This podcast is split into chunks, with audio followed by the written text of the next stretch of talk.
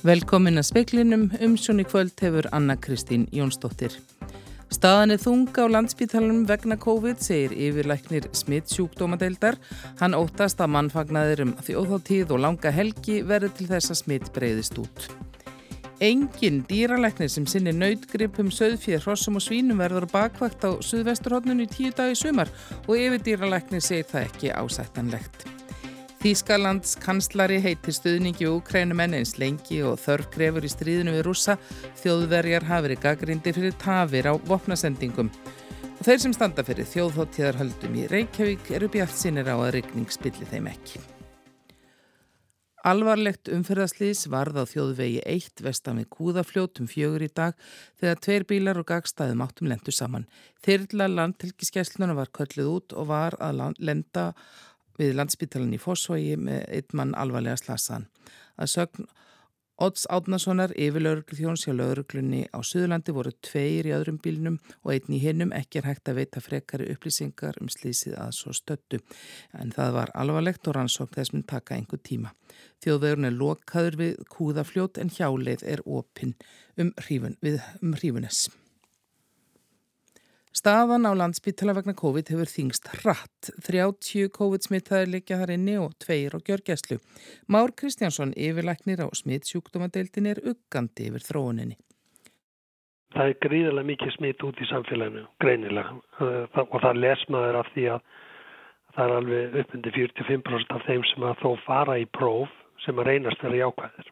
Það er endurspeiklun og miklu mikið samfélagssmitt á morgun er 7. júni og, og þá hefur það verið svona vanin að fólk kemur mikið saman stemti sér, þetta er löng helgi það er alveg einan marka þess mögulega að það verði verulega mikil aukning og mikil útbreyðsla smiðs þegar svona stendur á hvort að það síðan leiðir til eh, sko svo mikillar fjölgunar í veikindum að, að það þennji sko heilbyrðist kerfi til þess ídrasta um það get ég ekki fullist á þessari stundu það verður tíminn svolítið að leiði ljós Segir Már Kristjánsson og nánar verður rætt við hann síðar í speklinum Blóðgjafar brugðust við neyðar á kalli frá blóðbónkanum. Um tvö í dag hafðu 450 gefið blóð í vikunni, þar af 88 nýjir blóðgjafar. Ína Björg Hjalmarsdóttir, deildarstjóri blóðbónkan, segir að staðan sé mun betri nú en hún var í upphafi vikunar. Við erum þokkalega sátt í dag. Nú kemur þryggja daga helgi hins vegar framöndan og uh, við vitum það að það getur margt farið út á, á helgidögum og við þurfum að fá blóðgjafa inn líka í næstu viku. Ína segir að blóðbankin þurfum 70 blóðgjafa á dag til að tryggja öryggi sjúklinga. Blóðgjöfum hefur fækkað mjög á undanförtum árum. Á árunum 2005 til 2010 voru virkir blóðgjafar rúmlega 7000 talsins. Í ári eru þeir rúmlega 4000. Höfum ofta ekki verið að ná nema kannski eh, undir 200 uh, heilblóðseiningum á viku og það hefur ekki döga til þess að vega upp á móti því sem hefur þá farið út. Saði Ína Björk Hjalmarsdóttir, Urður Örligsdóttir rætti við hana. Ólaf Scholz, kanslari Þýskalands, hétt því á bladamannafundi með leðtugum Úkrænu, Fraklands, Ítali og Rúmeníu að þjóðverjar heldu áfram að styðja úkrænska herin eins lengi og þyrti. Þýskalands stjórn hefur sætt gaggríni fyrir seinagang við vopnasendingar. Volodymyr Selenski Úkrænu fórsetika grindi þjóðverja fyrir í vikunni fyrir að senda seint þau vopn sem lofað hefði verið. Ríkistjórn Scholz hefur til að mynda heiti því að senda loftvarnarkerfi af gerðinni Íris-T sem og Mars 2 eldflögakerfi. Scholz gaf engin lovorðum frekari vopnasendingar á bladamannafundinum.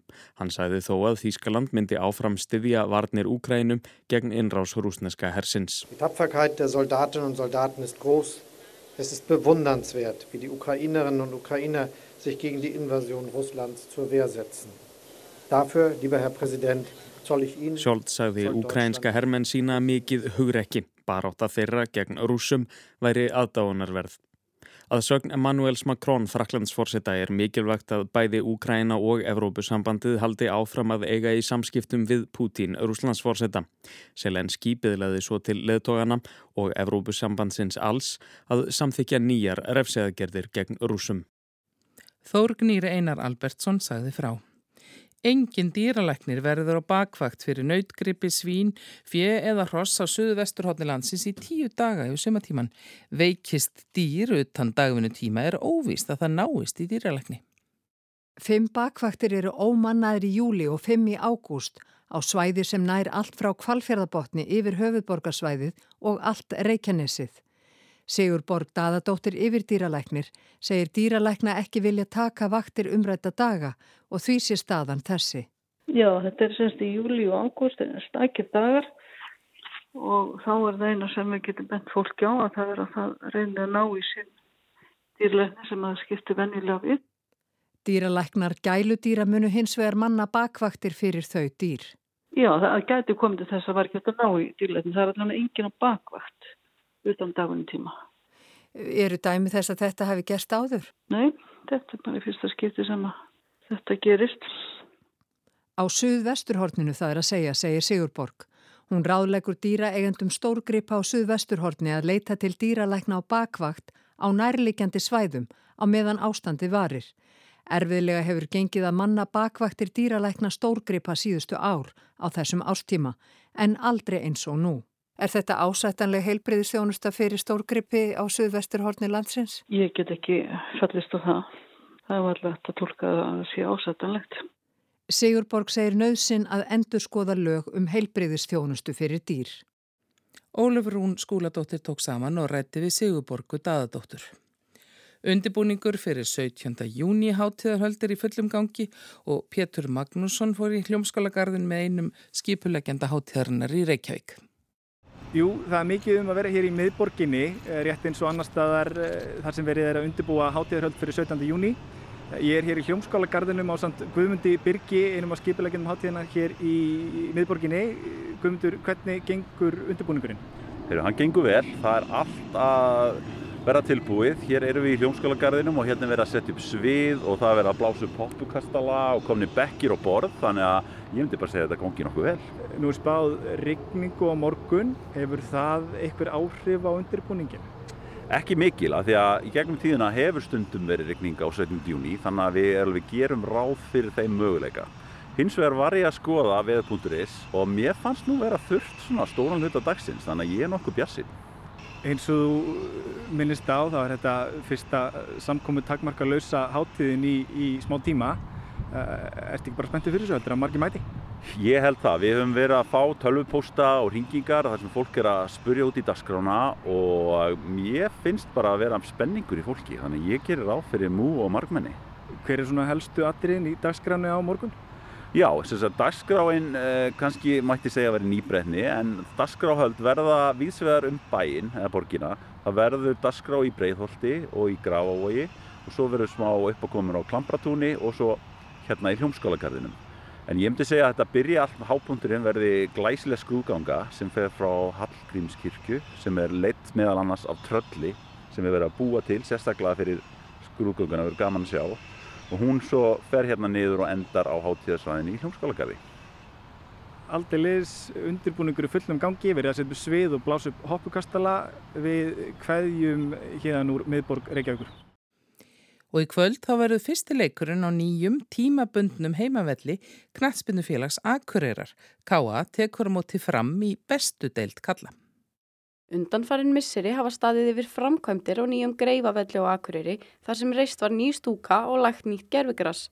Í kjölfar þess fekk félagið heimil til þess að spila á svæðinu sem hinga til hefur ekki verið leift.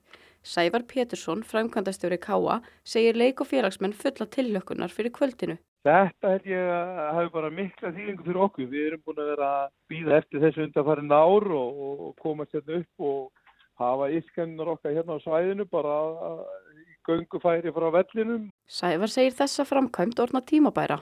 Við erum komin raun með, ef ekki segja, inn í 2001. öldina. Við höfum verið að glíma við aðstæðin sem að hafa verið mjög gammaldags niður á Akureyravelli og, og hér erum við bara komin með frábæran völd. Hann segir hjálp sjálfbóðilega ómetanlega. Vinnu þeirra er þó kannski ekki lokið því í haust munu framkvæmdir við byggingu aðalkeppnisvallar félagsins hefjast. Þá framkvæmt segir Sævar vera umfóngsmikla þar sem gerður verður nýrvöllur og stúka. Þetta verður bara rosalega breyting fyrir okkur og, og bara strax við, við, við þetta gjörbreytist aðstæðin okkur. Hún verður ennþá betri á næsta ári og svo 24 fullkomannast þegar stúkan verður við hjá okkur. Saði Sævar Pétursson, Amanda Guðrún Bjarnadóttir rætti við hann.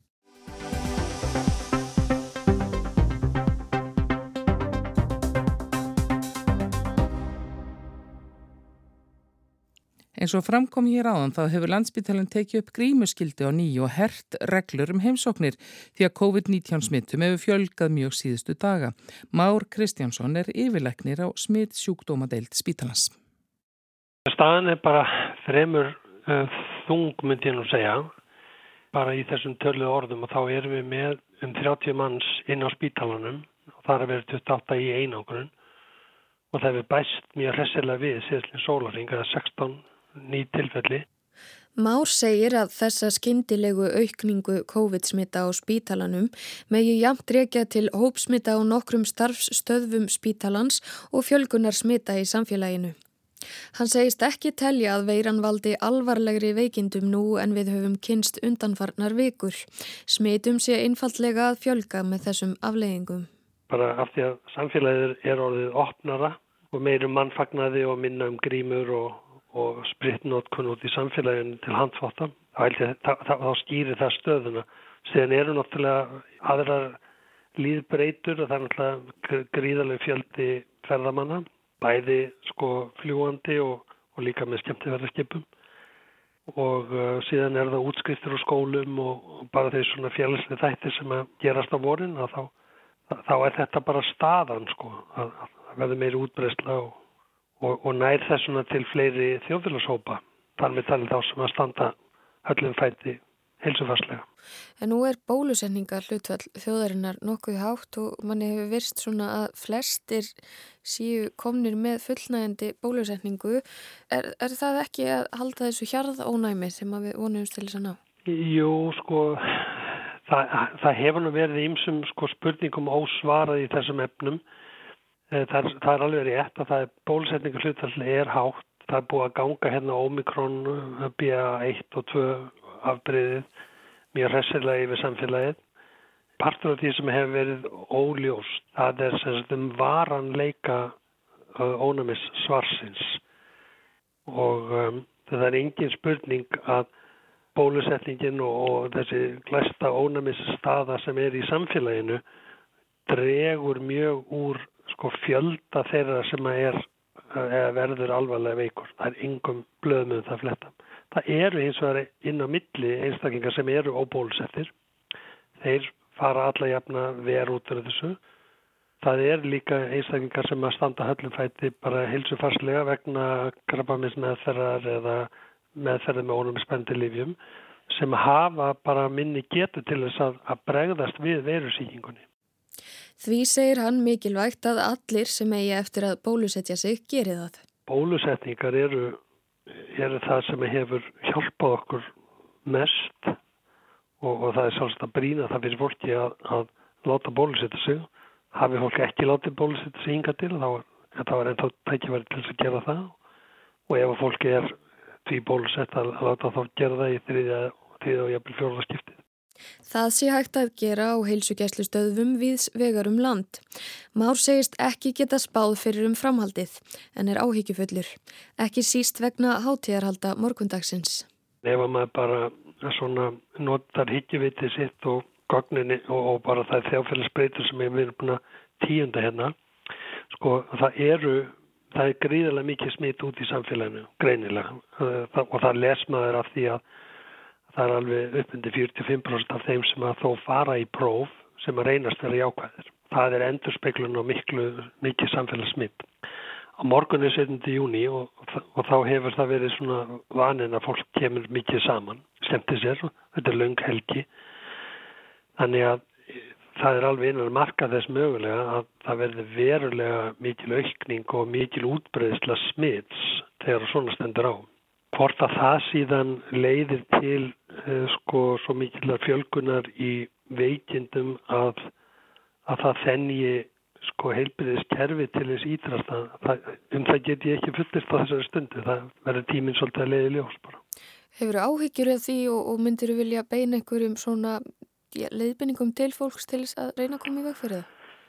Já, við, þetta er alltaf orðið svo marga tuggin sko tugga að við vitum alveg nákvæmlega hvernig þetta smittast og það að nota sagt, grímu í almannarýmum sérstaklega sem er svona lokuð almannarými borðið verslanir og jafnvel skemmtistadi og þess að það, það er náttúrulega stínsanlegt. Eh, það er líka mjög áhræðurikt að nota handþótt, beina handþótti og síðan er það þetta svona knús og kjass, það er náttúrulega líka víslega til þess að smita.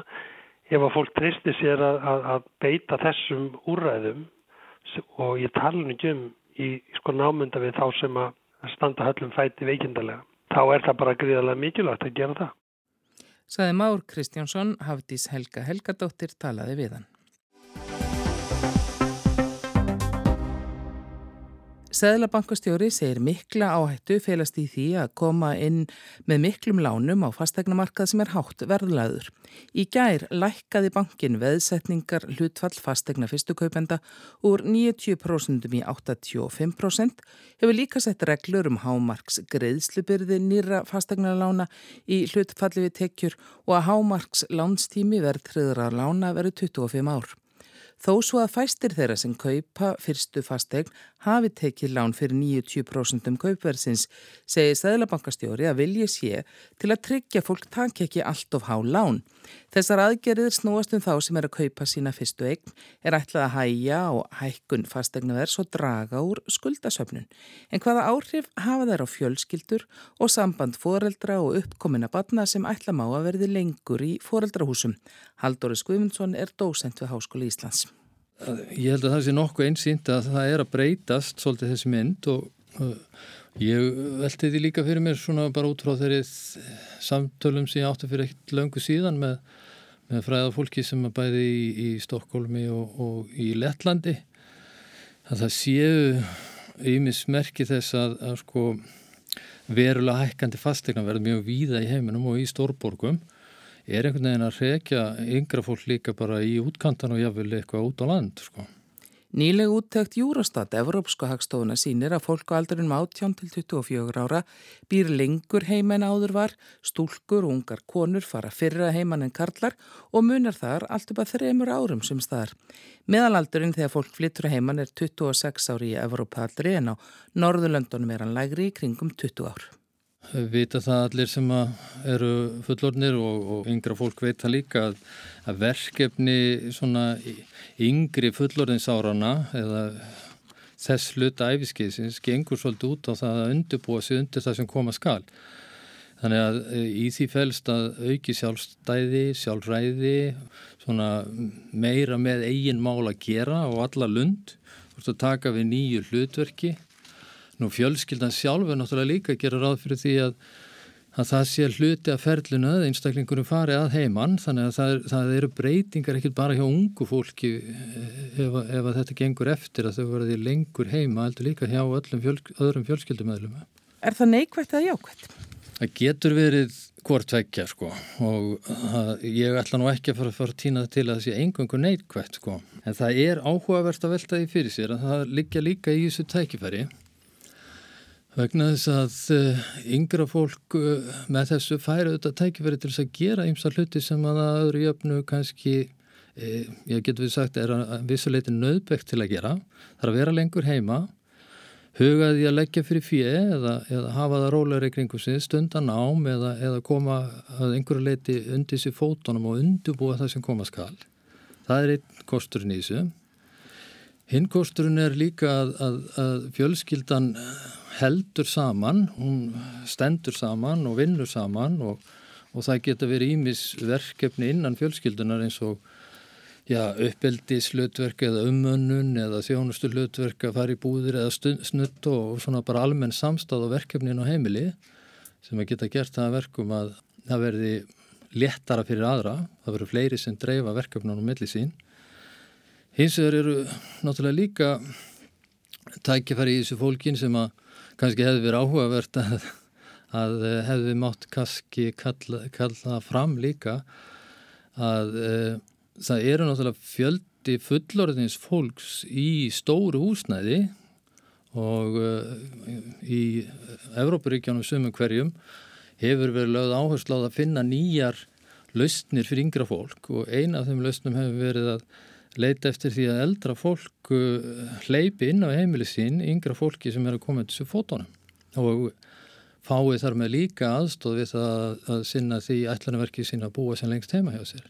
En þessi frestun á því að flytja getur verið erfið það eru þetta sko hluti af því sem er þarna eh, á sama hátt erfitt að þetta er óknunni við sjálfræði fólks. Þetta er þetta, þetta dregur úr því að einstaklingurinn eblist og hafi valdi við lífið sínu og sjálfræði þegar hann er komin að skeið þar sem hann gerði ráð fyrir því að, að, að handla ný verkefni og fjölskyldan hans kannski líka. Það getur skapað áreikstra í fjölskyldum og það getur skapað þess vegna verið kvati eða, eða ástæða fyrir einhverjum tengslarofi eða samskipta erfileikum. Þetta er líka hlutverk sem að fólk er ekki búið að gera ráð fyrir og foreldrarnir sem að ráða húsum, þeir eru heldur ekki búin að gera ráð fyrir þessu. Þetta getur haft áhrif á félagslega samskipti því að aðstæðan þín er önnur heldur en að vera í eigin húsnæði, hvernig sem það er í því að byggja upp vinahópin og viðhalda og skapa fjölskyldu eða, eða vinahópa og halda þeim. Þannig að þú svona, þú missir svolítið stjórn yfir aðstæðan þínum vegna þess að það er aðrir sem að ráða yfir því hvernig þú hefur það í þessu húsi og svo eigur þetta líka á svona ákveðna miskiptingu í samfélaginu vegna þess að þeir sem að hafa til þess ráð eru líkleri til þess að geta gert það sem þeir vilja og þetta skerðir ennfrekar stöðu þeirra sem að minna hafa á milli handana og þetta getur allt skapað ákveðna óróleika í samfélaginu og þetta getur líka skert lífskeiði þeirra einstaklinga sem við í hlut á. Aðstæður skiptaðu þetta miklu, það eru þetta ekki sjálfgefið að húsnæði hendi. Og sá hópur sem að, sem að kannski hefur það einna verst eh, eða erfiðast í okkur samfélagi varðandi húsnæðismáli eru þetta til dæmis innflýtendur og þeir sem eru með einir í, í húsnæði og eru með þunga framfæslega. Þannig að þetta er sá hópur sem að kannski Við vitum ekkit alveg hvað, hvað afleðingar þetta hefur en þetta getur haft, ymsar félagslegar afleðingar og sérstaklega fyrir þá sem standa höllum fæti. Þess vegna er líka kannski svolítið sárt að, að hugsa til þess að það skulle ekki hafa verið sett niður umræða um það að leita lausna og, og kynna þær með einhverjum hætti samlega.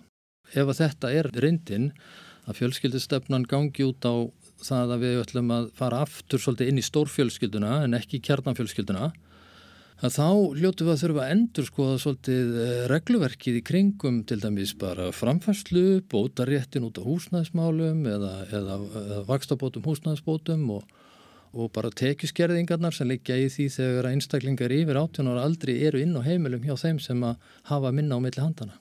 Haldur bendur að lokum á að landlæknir gefur regluleg út upplýsingar um heilbriðismál. Að húsnæðismál er grundþáttur í okkar lífskeðum hjá öllu fólki og það sem við sjáum af tölum frá landlækni er að það er tilumdur að hafa verulegar áhyggjur á stöðu yngra fólks í landinu og þess vegna hefðu þurft að taka skilega umræðið um það núna hvaða leiðir og finna nýjar lausnir í þessu viðfangsefni sem núna er jafnvel þó þessi tímanbundi vegna þess að, að þessi hópur hann er augljóslega ekki alveg að ná fótfestu inn á okkar kerfi með húsnæðismarkaðan á, á þeim stað sem hann er. Sagði Halldóri Skumundsson.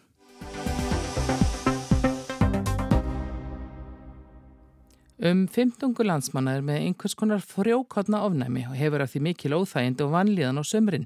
Þeim hefur fjölgað mjög undafarið en mikla framfarir hafa orðið í meðferð sjúklinga með slæmt frjóofnæmi. Unnusteina Björnstóttir, asma og ofnæmisleiknir sér að fólk þurfi samt helst að byrja að taka ofnæmislif áður en tímabilið hefst. Það sem hægt er að gera er að nota að livja með fyrir fyrirbyggjandi það þarf að byrja á uh, livjum við frjókotnaofnæmi með að minnstakosti tveggja vegna fyrirvara áður en að frjókotnatímin hefst. Fólk getur haft ofnæmi fyrir frjókornum mismunandi gróðurs, til dæmis trjáa á borði byrki, elri og aspir og svo grasi, túnfýblum, njóla og túnsúru, júrtum sem blómstra allt sumarið. Birkitíminn byrjar nokkuð snemma, hann byrjar ofta á vorin og er, ja, þegar brömi kemur þá er það, skulum við segja, byrjun mæ. Þannig að fólk ætti að vera að byrja á sínum livjum svona 15. april og jafnvel 1. mæ. Eru margir sem að hugsa kannski ekki út í það fyrr en að enginni fara að koma fram? Einmitt, það er alveg rétt. Þeir byrja ekki á meðferðinni fyrir en að þeir finna fyrir einkennum og þá er jáfnvel gripið í ofnæmistöflur sem eru kallið antihistamin og það eru mýmörk slík liv til sölu, bara til dæmis í lausasölu en rétta meðferðinni er hins vegar að byrja á nefnstyrum fyrstum sinn því þeir draga úr bólgu í slímhúðum í nefi og gera það verkum að maður þarf í raun minna magn af uh, frjókotnunum til þess að valda meira ofnæmi mitt sumar ef að maður hefur ekki gripið í þessa fyrirbyggjandi rástafanir og það er því það er draga úr bólgunni og þá eru það nefnstera sem jafnir til í lausasölu í apotekunum líka og maður byrjar á þeim til dæmis ef maður er með byrkjónami fyrsta mæ ef það er grasónami að þá væri nóg að byrja kannski í lok, mæbyrjun, júni en það fer svolítið eftir uh, því hversu mikill gróður er. Gróðurinn er uh, satt að segja ofinni snemma á ferðinni sennlega ár. Hvernig er það, eru komið ný, ný ráð sem að kannski duga lengur og jafnvel til frambúðar? Já, svo sannarlega og þetta eru mjög spennandi ráð. Það má segja að þetta séu nýju gömul ráð. Þetta kallast afnæming eða afnæmis meðferð og ennsku heitir þetta immunotherapy Meðferðin var sjátt að segja fyrst fundin upp í kringum 1911 þannig að aðferðin er mjög gömul og það er enga uh, langtíma aukaverkan af þessu þar sem meðferðin er mjög vel þekkt. Þetta var alltaf gefið í spröytum og þá inn á spítala og þetta var ansið tímafrekt fyrir sjúklinga og gatt verið hættulegt þar sem að fólk gatt fengið slæmt ofnamiskast fyrir að vara að fá þessar spröytur þó það verið mjög sjálfgeft að það gerðist ef þetta er rétt gert. Núna er meðferðin hins vegar auðveld. Hún er þannig að fólk tekur eina töflu undir tungu, lætur hann að renna þar. Og þetta er gert í þrjú og halvt ár. Og það er hægt að gera þetta bæði við grassi en eins við byrki og við ryggmörum. Það er ekki hægt að gera þetta við dýrum eins og hægt var í spröytunum en þetta getur slögt á ónumisviðbræðan og slekkur á þessu minni svari Þannig að það má eiginlega segja að þessar ónæmisfrumur mun ekki lengur eftir grasinu sem að myndi eftir árið áður. Þannig getur fólk dreyið verulega úr livjanótkun, kláði í augum og nefi stillist og dregur úr frjókorna astma sem er vel þektur. Þetta er mjög algengt vandamál á Íslandi, þetta er mjög algengar í sjúkdóm á Íslandi og hefur farið mjög vaksandi líka. Við vorum eftirbátar fyrir nokkrum árum, þetta var til til að fá títt en núna er þetta mjög vaksandi sjúkdómur og það eru allavega yfir 20% allra Íslendingar sem eru með einhvers konar frjókotnánum fyrir eitthvað af frjókotnánum hvort sem það er byrkigrasi eða til næmis túnfýril. Þá eru til ráð sem að geta duga til frambúðar en er auðvelt að komast í þá meðferð að fá þessar töflur sem þú tekur í þrjú ár? Já, það sem þarf að gera, það þarf að greina vandan því við viljum alls ekki gefa þá meðferð og þá valda ofnami hjá þeim sem hafa ekki þetta ofnami. Þannig að það þarf að gefa svo kallar húðpróf sem gertir hjá ofnamislækninum og það þarf að gera það bara í eitt skipti og það þarf að gera það hvena sem er á árinu því að meðferðin í raun byrjar ekki fyrir í desember, janúar. Það er að segja að þetta er gert eftir að frjókotnunum tímamunum líkur og áður hann byrjar aftur. Og þá er meðferðin keirð síðan áfram í þetta 3,5 ár. Og fólk tekur þessa töflu heima hjá sér einu sinn á dag.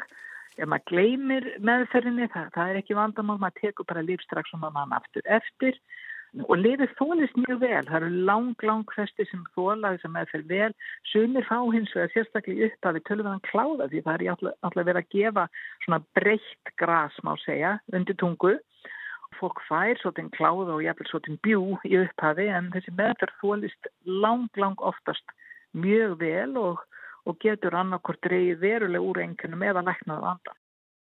Saði unnur Steina Bjóstóttir, Óluf Rún skúladóttir talaði við hana. Veðurhorfur það verður norðankaldi á morgun og víða rigning, engum norðan og austanlands, kólnar í veðri og hvessir annað kvöld og viðstofan hefur gefið út gular viðvarnir vegna hvassviðuris fyrir Suðurland, Suðausturland og Austfyrið og það taka gildi annað kvöld 17. júni og gilda fram á lögadag. Þá byður viðstofan ferðalanga fara varlega, það verður leiðinda við til útvistar við það, aksturskilið getórið varasum engum fyrir aukutæki sem er taka á sig mikinn vind. En fleiri er ekki í speklinum þessa vikuna, tæknimaður var Jón Þór Helgason, veriði sæl. Bye.